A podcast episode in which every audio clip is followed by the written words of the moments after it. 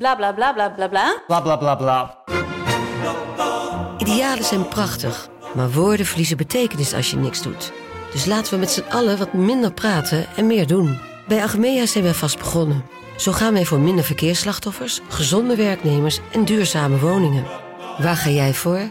Kijk op www.werkenbijagmea.nl Ben jij of ken jij een vrouw? Of zie je er wel eens eentje lopen van een afstandje? Luister dan naar Damn Honey. Een podcast over shit waar je als vrouw van deze tijd mee moet dealen. Mijn naam is Nidia En ik ben Marilotte. en in Damn Honey praten we met gasten en gooien we onze ziel en zaligheid op tafel over onderwerpen zoals fast fashion, Dik zijn, de menstruatiecyclus, borsten, validisme, catcalling, vrouwen in de politiek, sport en kunst, het niet-moederschap, seksueel plezier, autisme, heteronormativiteit, porno abortus. en meer. Elke zaterdag in je podcastfeed.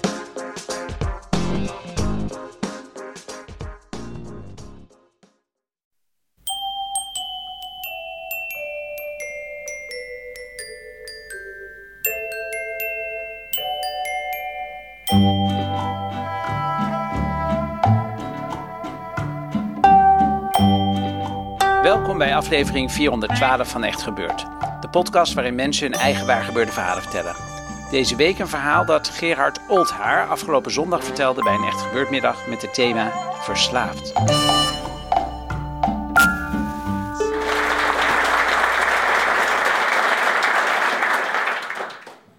Ik heb dus ook een eh, verslaving.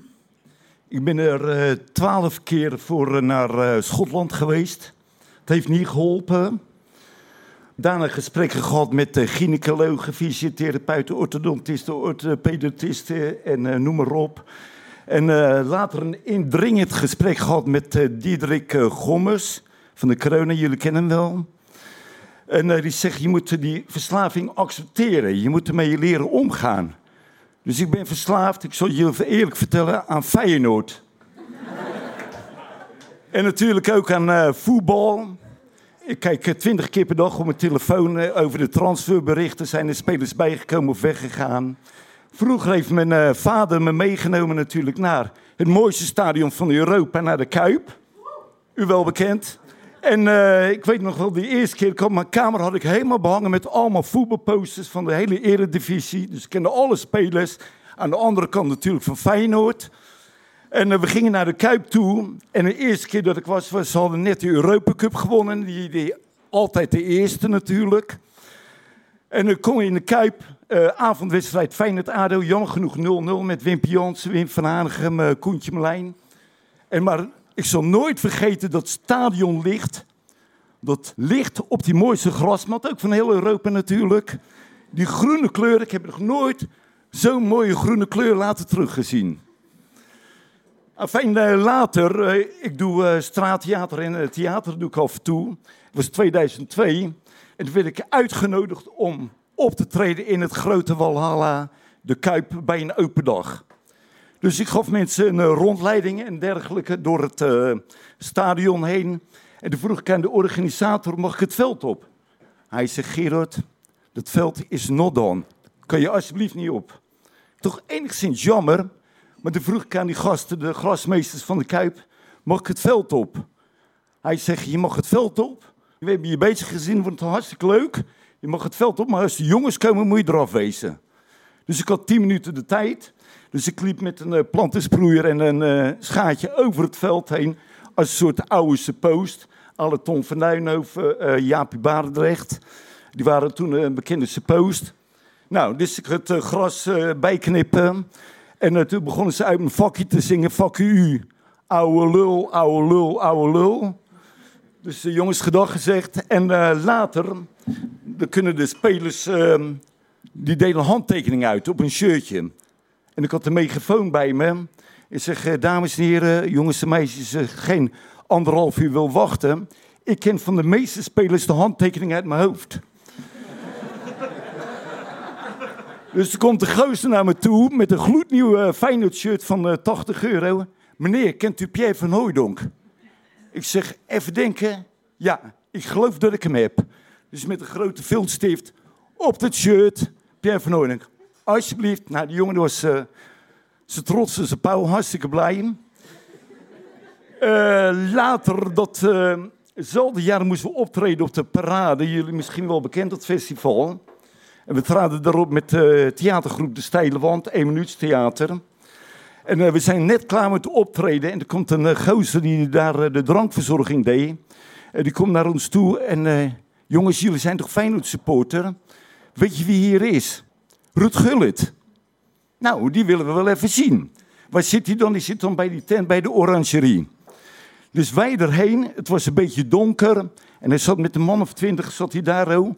Dus uh, naar Ruud Gullit toe. Ruud, jouw jaren bij Feyenoord die waren toch onvergetelijk? Hij zegt, als ik Feyenoord niet had gehad, had ik AC Milan niet gehad, had ik het Nederland zelf nooit uh, gehaald. Hij zegt, ik ben Feyenoord nog elke dag dankbaar dat ik... Uh, lid had mogen, zijn, mogen spelen voor de club. Ik zeg, je bent toch de volgende trainer van Feyenoord? En dit is twintig jaar geleden dan. Toen een jaar later is hij trainer geworden. Hij zegt, ik kan gewoon niet slapen tot ik uh, trainer word uh, van Feyenoord. Nou, zo een beetje doorhouden Nederland. En ik zeg, Ruud, nou wil ik nou wel even een handtekening voor je. Dus ik deed mijn t-shirt omhoog. Dus hij op mijn buik met een grote dikke viltstift in kapitale letters om mijn buik Ruud schrijven. Nou, Ruud, bedankt. Tot morgenavond. Er liggen voor jou en je hele gezelschap kaarten klaar. Ja, hij zegt, dan kom ik zeker terug. Komen even later die gozer tegen die ons getipt had van uh, Ruud Gullit dat hij was. Heb je hem gezien? Ja, hij komt morgen terug. Hartstikke leuk met zijn hele gezelschap. Hij zegt even één ding. Dat was Ruud Gullit niet, maar Frank Rijkaard. Ja, dus zult u misschien denken, dat moet jij toch als voetbal kennen, moet je dat uh, zien. Maar je bent natuurlijk door die blindheid, door Feyenoord ben je gewoon, uh, ja, dus ziet hij dan, Ruud Gullit. Dus denk je ook dat dit uh, daadwerkelijk is. En nu moeten we dit jaar ook op de parade optreden. En ik kan me voorstellen dat mensen nu ook een handtekening van mij willen hebben. Ik heb een stift bij me. Ik sta zo bij die bar, dan kan ik hem gewoon bij jullie uitdelen, of anders in de kleedkamer 23.